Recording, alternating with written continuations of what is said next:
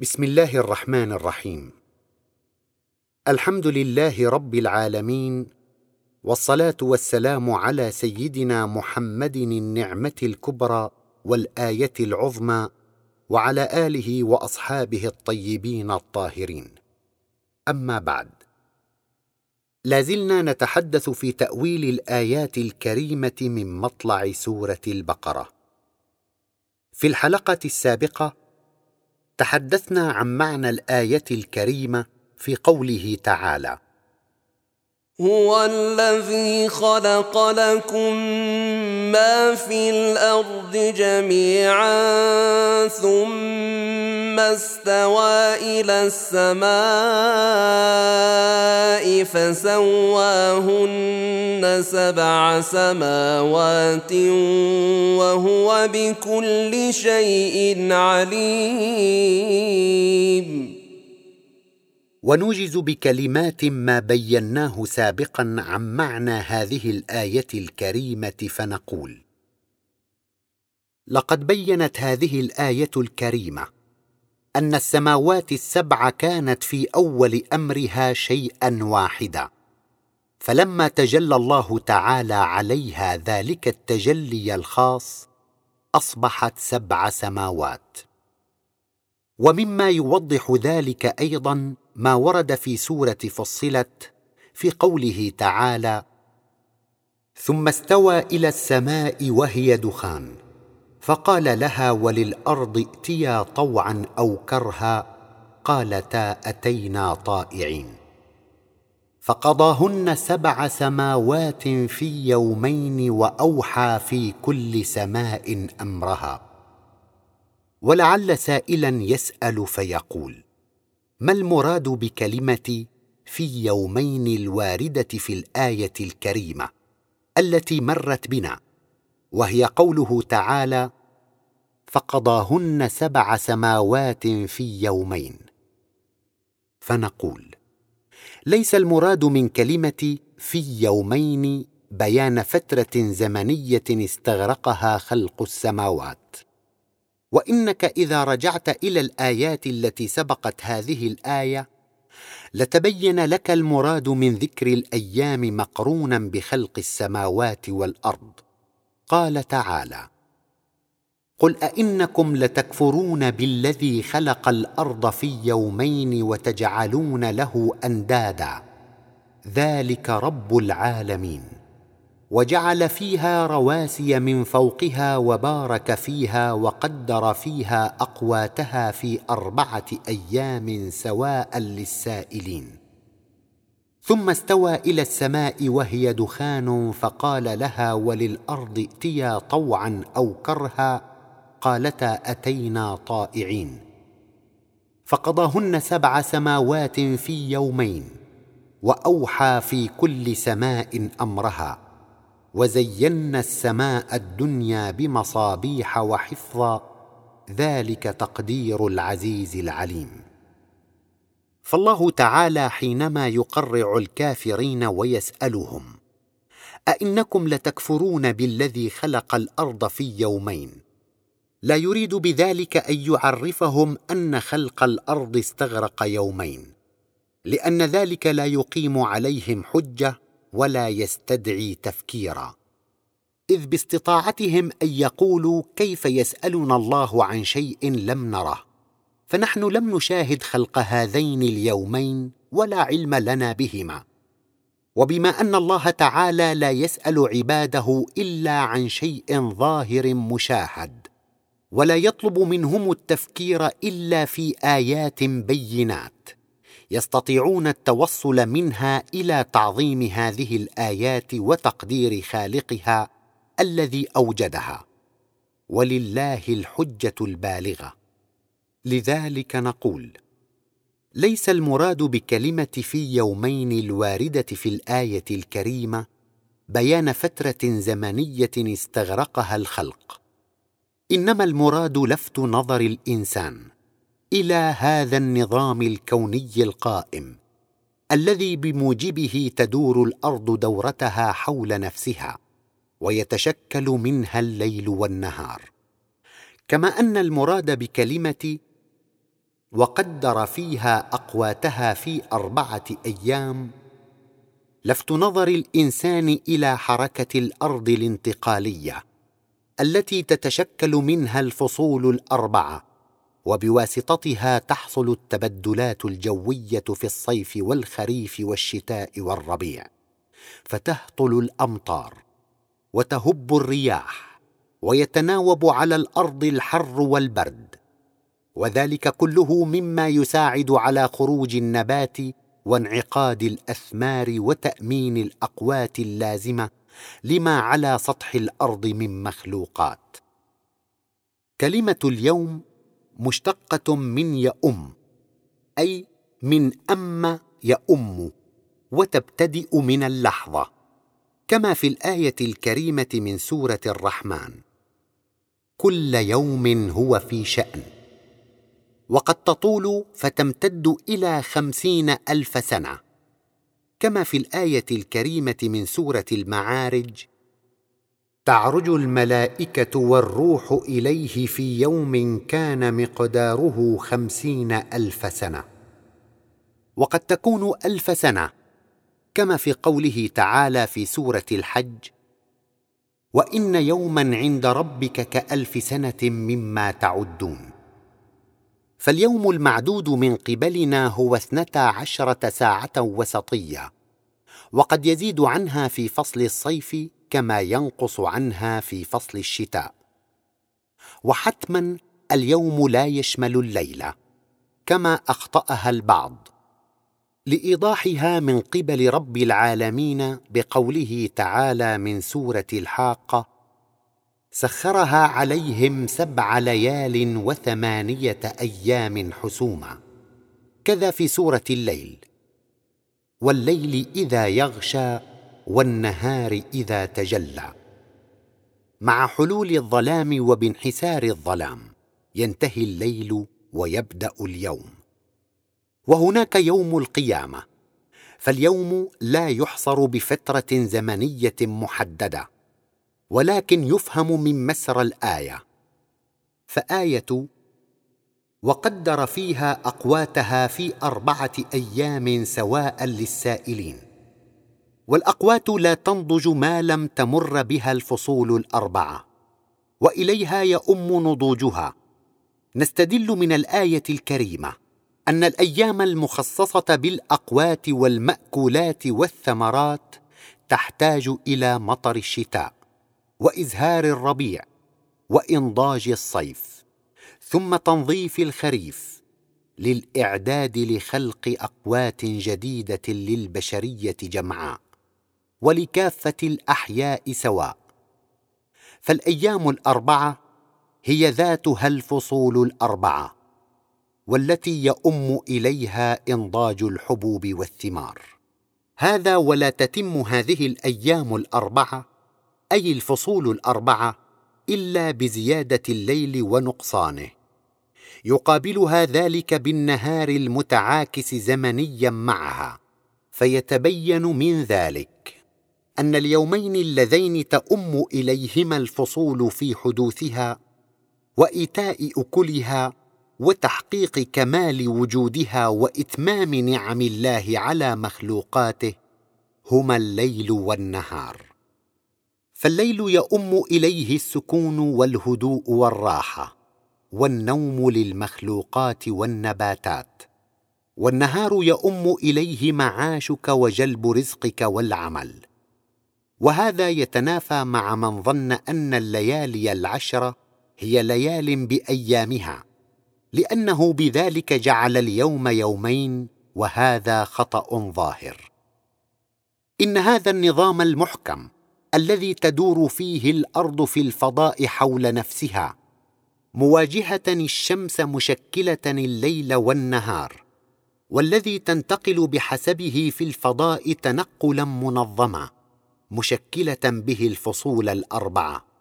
لا يقر الفكر البشري ولا يرتضي أن يكون مجرد صدفة أو رمية من غير رام. بل إن من أوتي ذرة من تفكير صحيح إذا هو نظر في دوران الأرض وحركتها ودقق في ذلك النظام المبني على علم وحكمة وخبرة ومقدرة ورأفة ورحمة لا بد أن يحكم بوجود هذا الخالق العليم الحكيم والرب الرؤوف الرحيم والإله العلي القدير. وذلك ما أرادت الآيات الكريمة في قوله تعالى قل أئنكم لتكفرون بالذي خلق الأرض في يومين وما بعدها أن تعرفنا به وتلفت نظرنا إليه. والآن وبعد أن أوردنا هذا المعنى بشيء من التفصيل نستطيع أن نوجز في شرح الآيات السابقة التي أوردناها مبينين ما تشير إليه كلمة الأيام في كل منها.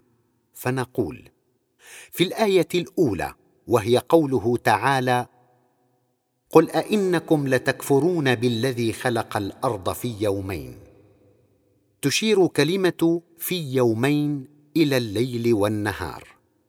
فإن اليوم هو الفترة الزمنية التي تنتقل معها الأرض من حال إلى حال. فالليل يوم وكذلك النهار يوم. وفي الآية الثانية وهي قوله تعالى وجعل فيها رواسي من فوقها وبارك فيها وقدر فيها أقواتها في أربعة أيام. تشير كلمة في أربعة أيام إلى الفصول الأربعة. فكل فصل إنما هو فترة زمنية. تنتقل فيه الأرض من حالة إلى حالة أخرى. وهو يوم من الأيام. تؤم إليه الأرض لفترة زمنية ندعوها فصلا.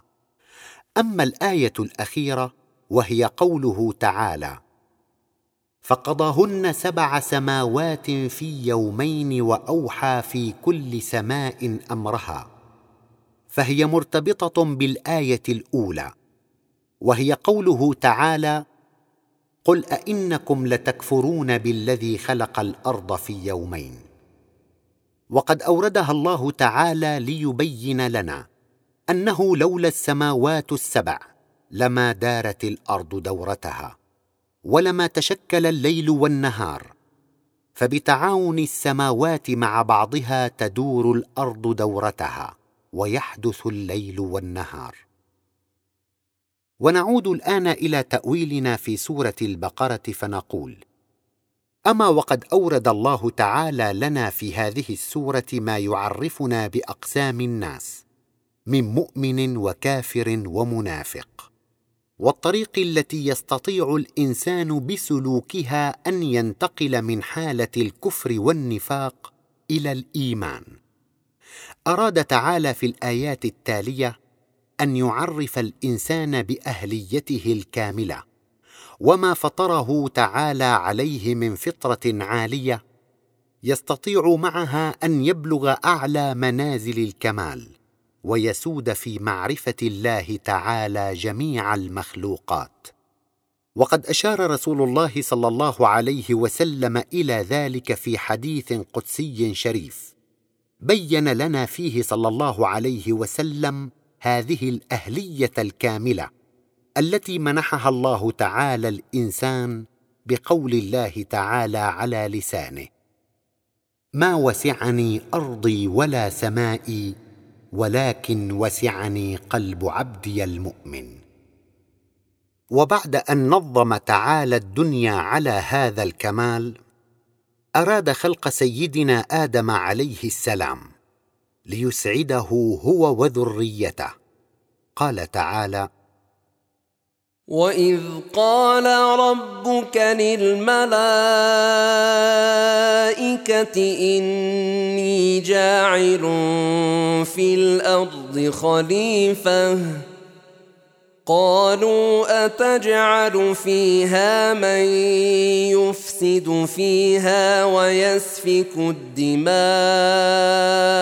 ونحن نسبح بحمدك ونقدس لك قال اني اعلم ما لا تعلمون. لقد بين لنا تعالى في قصه سيدنا آدم عليه الصلاه والسلام انه عليه السلام المعلم الأول فهو ابو البشريه ومعلمها وكم ساق لنا تعالى في قصص الانبياء من عبر وامثال.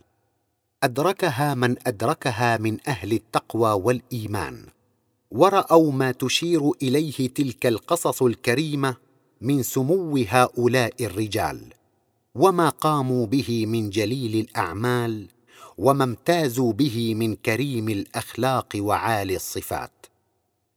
والحقيقة أنه لا يقدر أهل الإيمان إلا أهل الإيمان ولا يعرف الفضل إلا ذووه. ولا يدرك عظمة ما في القرآن من عبر وأمثال إلا كل قريب من الله متحل بحلية الكمال. قال تعالى في سورة يوسف لقد كان في قصصهم عبرة لأولي الألباب. وقال أيضا سبحانه وتعالى في سورة العنكبوت وتلك الامثال نضربها للناس وما يعقلها الا العالمون واليك الان ما بينه الله تعالى في هذه السوره الكريمه عن سيدنا آدم صلى الله عليه وسلم في قوله تعالى. واذ قال ربك للملائكه اني جاعل في الأرض خليفه قالوا اتجعل فيها من يفسد فيها ويسفك الدماء ونحن نسبح بحمدك ونقدس لك قال اني اعلم ما لا تعلمون. والملائكه جمع ملك وهو نوع من المخلوقات. لما عرض الله تعالى على الانفس في عالم الازل ان يمنحها حريه الاختيار احجموا كما احجم غيرهم عن الدخول في ذلك الميدان الذي دخله الانسان. ورضوا ألا يكون لهم إطلاق وحرية في الاختيار. لقد ملك هؤلاء اختيارهم لله ولذلك سموا ملائكة. وبما أنهم ليس لهم أجسام كما للإنسان ولذلك فهم مجردون عن هذه الشهوات المادية التي يميل الإنسان إليها وليس لهم تلك الحاجات الجسدية. فلا يأكلون ولا يشربون ولا يتزوجون ولا يتوالدون ولا يميلون لشيء من هذه الأشياء. ولما قال ربك للملائكة إني جاعل في الأرض خليفة طمعوا أن ينالوا ذلك المقام. لأن الخليفة معناه ذلك المخلوق العالي. الذي يكون أهلا للنيابة عن الله تعالى في تبليغ عباده أوامره وتعريفهم به تعالى والدخول بهم عليه. فبما اكتسبه صلى الله عليه وسلم من خالقه من رأفة ورحمة وعلم وحكمة وعدل وحب للحق وسمو في الخلق وغير ذلك من صفات الكمال صار أهلا لأن يقوم بذلك المقام فيكون خليفة الله في أرضه ويقيم العدل ويحكم بين الناس بالحق وينشر الخير والصلاح في الأرض. وقد أشارت الآية الكريمة في سورة صاد إلى ذلك المعنى. في قوله تعالى مخاطبا سيدنا داود صلى الله عليه وسلم. يا داود إنا جعلناك خليفة في الأرض فاحكم بين الناس بالحق ولا تتبع الهوى. ولا تتبع الهوى فيضلك عن سبيل الله. والخليفه كما يتولى منصب الحكم يتولى منصب الدلاله والارشاد.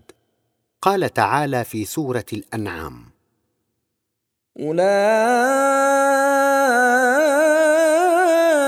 الذين آتيناهم الكتاب والحكم والنبوة. إذ بما اكتسبه من دلالات ربه وأسمائه الحسنى وبما انطبع في قلبه من حب لخالقه وشغف به أضحى خليقا بأن يكون وسيطا بين الخلق وبين الله يبلغهم أوامره تعالى. ويعرفهم بكمالاته وأسمائه الحسنى ويرشدهم إلى طريق معرفته. فإذا ما ارتبطت نفوسهم به وأقبلت بمعيته دخل بتلك الأنفس على الله تعالى. وكان لها سراجا منيرا ترى به طرفا من تلك الأسماء الإلهية وتشاهد الكمال الإلهي فتحبه وتعشقه. وهنالك تقتبس به من الله نورا ترى به الخير خيرا والشر شرا. فالخليفة والحالة هذه هو من الخلق بمنزلة الأب العطوف على بنيه أو الأخ الراشد من إخوته وذويه. أشفقهم وأعطفهم عليهم وأرأفهم وأرحمهم بهم وأنفعهم لهم. وهو بهذا أحب الخلق إلى الله وأحظاهم عنده وأرفعهم شأنا إليه وأقربهم زلفى لديه. ذلك هو مقام الخلافة الذي أهل الله تعالى له الإنسان وطمعت به الملائكة الكرام.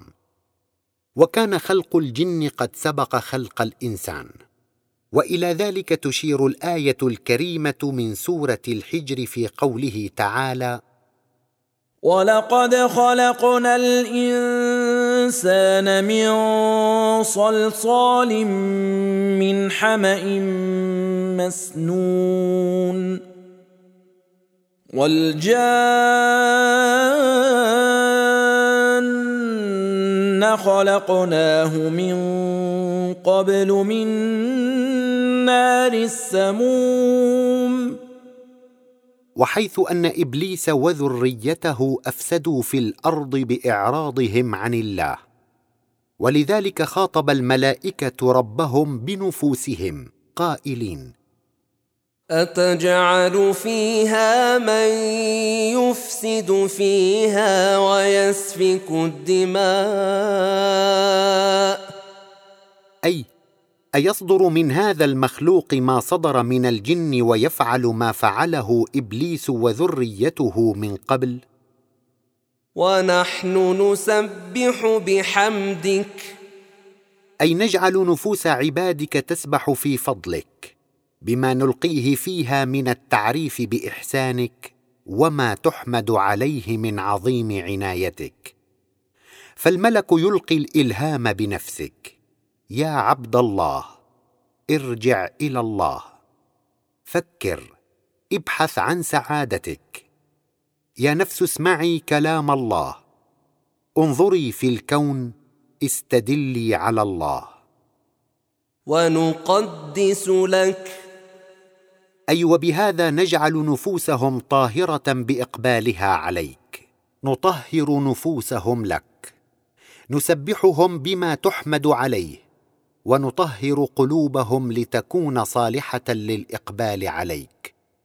فإن جعلتنا خلفاء ظهر منا الخير لعبادك وكنا وسطاء في إيصال نفوسهم إليك والدخول بها عليك. وهنالك خاطبهم ربهم بما أشارت إليه الآية الكريمة في قوله تعالى. قال إني أعلم ما لا تعلمون. أي إني أعلم من قابلية هذا الإنسان وأهليته ما لا تعلمون. آدم أعلى منكم وأرقى منكم. وكذلك المؤمن الكامل أرقى من الملائكة الكرام. فالإنسان لديه أهلية لأن يكون أعلى من كل شيء لكن الكافر أحط من كل شيء. هذا والحيوان جاء وأدى الوظيفة فهو يجازى في الدنيا على شذوذه عنها وغدا لا نار له. جزاؤه هنا فقط لكن الكافر غدا للنار. فالكلب خير من كثير من الخلق ممن كفروا. وخلق الله تعالى سيدنا آدم صلى الله عليه وسلم وأخرجه إلى هذا الوجود. وقد عظم صلى الله عليه وسلم فضل خالقه عليه وقدر إحسانه إليه. وبهذا التقدير والتعظيم اتجهت نفسه إلى الله تعالى مقبلة عليه. وبما أن النفس البشرية مثلها كمثل المرآة الصافية حيثما وجهتها انطبعت فيها آثار ما اتجهت إليه.